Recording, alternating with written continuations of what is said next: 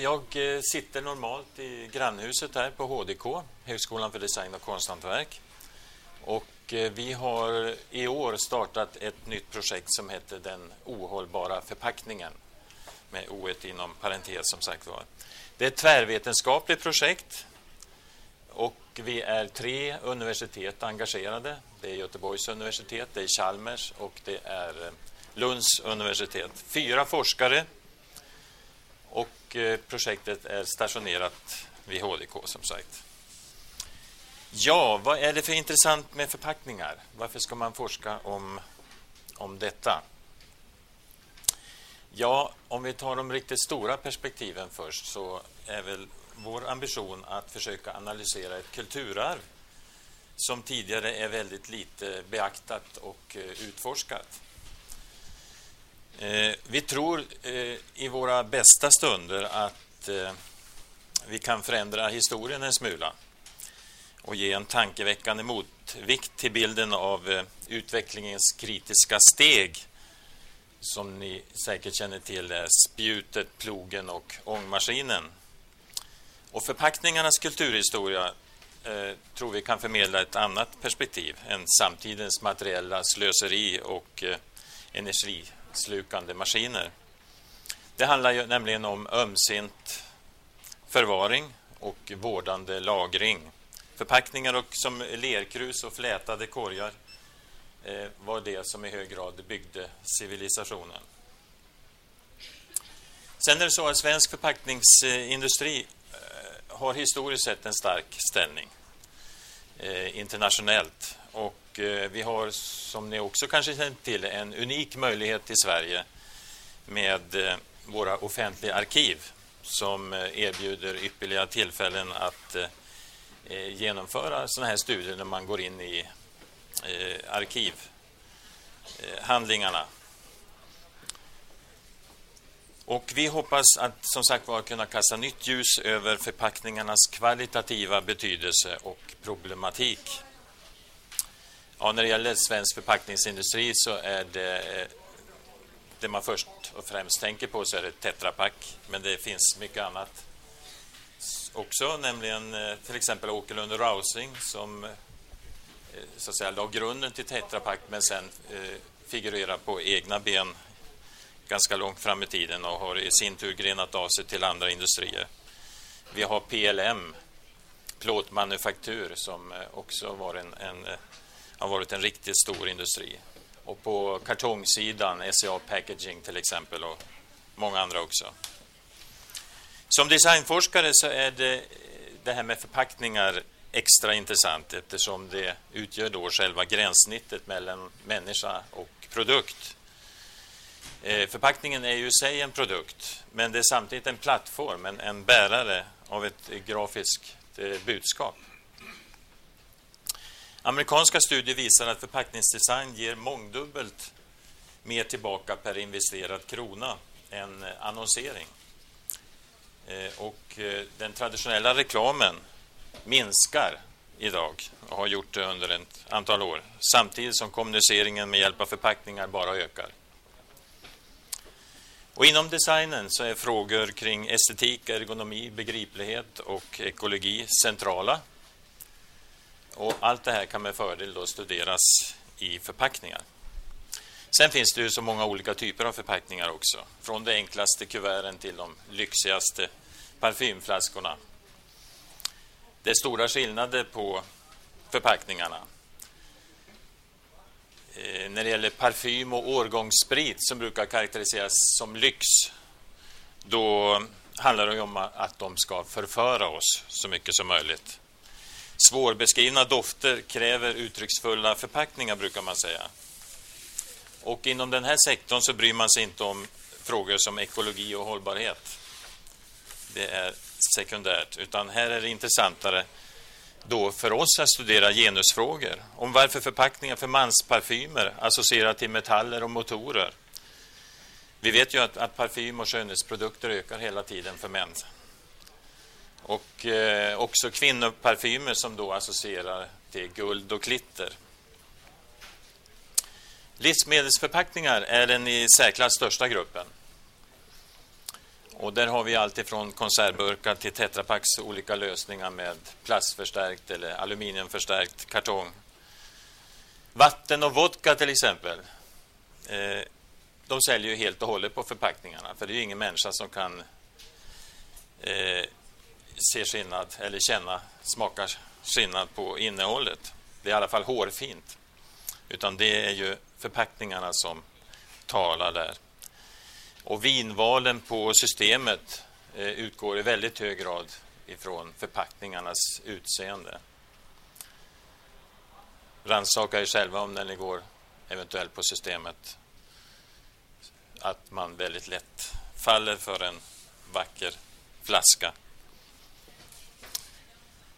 Läkemedelsförpackningar eh, är lite annorlunda.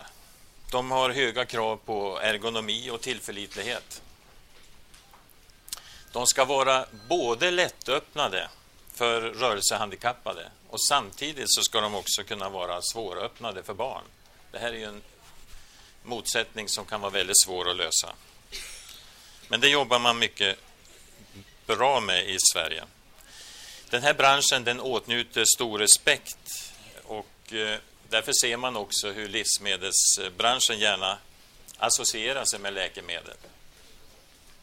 Eh, det kan ni se om ni tänker efter så eh, allt fler moderna livsmedelsförpackningar sneglar åt läkemedelssidan.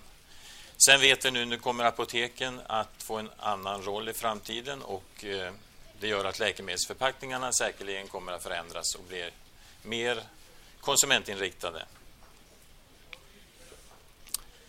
Ja, vår visuella kulturmiljö består idag på ett helt annat sätt än tidigare av förpackningar. Och eh, vi exponeras dagligen för stadslandskapets reklamaffischer och förpackningar i form av skräp på gator och torg. Och butiksmiljöerna domineras nästan helt av förpackningar, liksom svenskens frukostbord där fil och mjölkförpackningar samsas med müsli och påläggsförpackningar. Vi har olika lager när det gäller förpackningar också, olika typer. Vi har primärförpackningar som omsluter då själva produkten. Vi har de så kallade sekundärförpackningarna eller transportförpackningarna. Och vi har till och med pallar och containrar i ytterligare eh, lager. Eh, förpackningar består också av olika material som är intressanta att studera. Från de äldsta av papper och glas till då industrialismens metaller och plaster.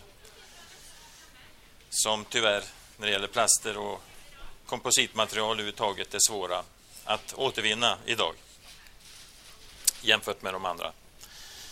Ja, det här O i ohållbara förpackningar, det har vi satt inom parentes eh, därför att vi naturligtvis då menar att förpackningar kan vara både hållbara och ohållbara. Ohållbara är de därför att vi lever i en tid av förpackningshysteri idag. Eh, jag kan ta den här till exempel, som jag köpte för inte så länge sedan. Det är en tandborstförpackning designad av Pininfarina. Eh, Helt onödig naturligtvis. Det här avfallsproblemet är en del av en ohållbar livsstil. Allt mer blir styckeförpackat. Idag eh, kan vi till och med hitta enstaka bananer som eh, förpackas i tråg eh, och säljs på det sättet. Helt galet naturligtvis. Särskilt som vi har ett EU-direktiv som säger att både förpackningarnas vikt och volym ska minimeras och att materialet dessutom ska lämpa sig för återvinning. Vi menar samtidigt att eh, förpackningar är hållbara Därför att utan säkra vatten och livsmedelsförpackningar så skulle många fler människor i tredje världen svälta ihjäl idag. Och man räknar faktiskt med att upp till en tredjedel av all mat förfares idag.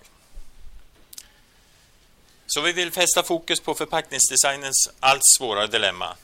Att på en gång då leverera nyskapande förpackningslösningar med högt uppmärksamhetsvärde och samtidigt tillfredsställa skilda konsumentönskemål och krav på minimal miljöpåverkan. Vi vill titta på hur branschen har klarat av den här balansgången som vi alla dagligen berörs av. Förpackningsbranschen består av olika aktörer med olika intressen som påverkar gestaltningen. Det här är någonting som vi kommer specialstudera, just den här interaktionen mellan de här olika aktörerna. Producenterna till exempel, de vill att deras varor ska nå konsumenterna i samma skick och utförande som när de lämnar fabrikerna. Alltså från punkt A till punkt B ska det se likadant ut. Ingenting får skadas eller förfaras. Dessutom så är de mån om att innehållet i en förpackning eh, med eh, deras varumärke på ska vara autentiskt. Det ska inte kunna förekomma någon kopia. Från designhåll så jobbar man med att skapa attraktiva förpackningar. De ska dessutom kunna fungera helst universellt för så många olika människor som möjligt. Eh, och i bästa fall ska de kanske också ha ett andra liv. Att inte behöva kastas utan kunna återanvändas på ett smart sätt. Transportföretagen eh, de vill naturligtvis att eh, förpackningarna ska hålla i hanteringen, att de ska vara lätta och utformade så att man inte skadar sig. Detaljisterna, handlarna, de vill att transport och sekundärförpackningarna ska gå fort och lätt att öppna. Inte minst på livsmedelssidan där de får väldigt mycket sekundärförpackningar som snabbt ska kunna öppnas och eh, exponeras. Innehållet ska exponeras. Eh, men samtidigt eh, är det, inte minst inom elektronikindustrin, väldigt starka krav på att innehållet i förpackningarna inte ska gå att stjäla eh, eller byta ut. Och där har man ett, ett gemensamt intresse för att det, det händer mycket på innebutikerna också. Konsumenterna å andra sidan, de vill kunna öppna eh, såna här blisterförpackningar, de här plastförpackningarna utan att använda kniv och hammare. Eh, och de vill också i andra ledet eh, vill de att det ska vara lätt att göra sig av med förpackningen. Myndigheter och organisationer de kräver att olika märkningar ska efterlevas och återvinningshanteringen de vill helst ha rena material, inte blandmaterial. Ja, det finns naturligtvis eh, många frågor att ställa idag. Men det finns också en intressant historia som för vår del startar på 1930-talet. För att det är då det sker ett, eh, man kan nästan säga ett paradigmskifte från eh, butikshanteringen över disk till snabbköpen som börjar dyka upp. Då. Det ställer helt andra krav på förpackningarna än vad som hade gjorts tidigare. Det hela börjar med eh, ny förpackningsteknik i kvarnar och sockerbruk eh, som då innebär att de här gamla 100 kilo säckarna som många fick eh, bära på ryggen uppför trappor på vindarna med mjöl och annat. De byttes ut mot små nätta papperspåsar på 2,5 kilo. Och dessutom fick man ju plötsligt också en eh, yta att eh, jobba med sitt varumärke och sitt grafiska budskap. Eh, så de här nya designstrategierna då för förpackningar som eh, sker i samband med den här övergången, den kommer vi då titta på. Eh, vi kommer också titta på de nya förpackningsteknikernas inverkan på förpackningarnas roll och design.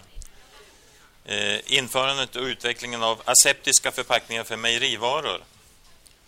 Eh, omställningar och nytänkande i samband med 1970-talets oljekriser. Och eh, när vi får då införandet av egna varumärken, då tänker man oftast på 1970-talet och Blåvitt, Konsums, KFs blåvita serier. Men det här med, med eh, egna varumärken, det förekom faktiskt eh, redan på 1930-talet. Så var det en hård strid mellan eh, KF och ICA om att lansera intressanta nya märkesvaror på livsmedelssidan som, där man satsar väldigt mycket på, på kvalitetsaspekterna. Vi kommer att titta på tillgänglighets och miljöanpassningslösningar under undersökningsperioden. Eh, Rio-deklarationen, EUs förpackningsdirektiv, som sagt var. Det här med producentansvaret, vad det betyder.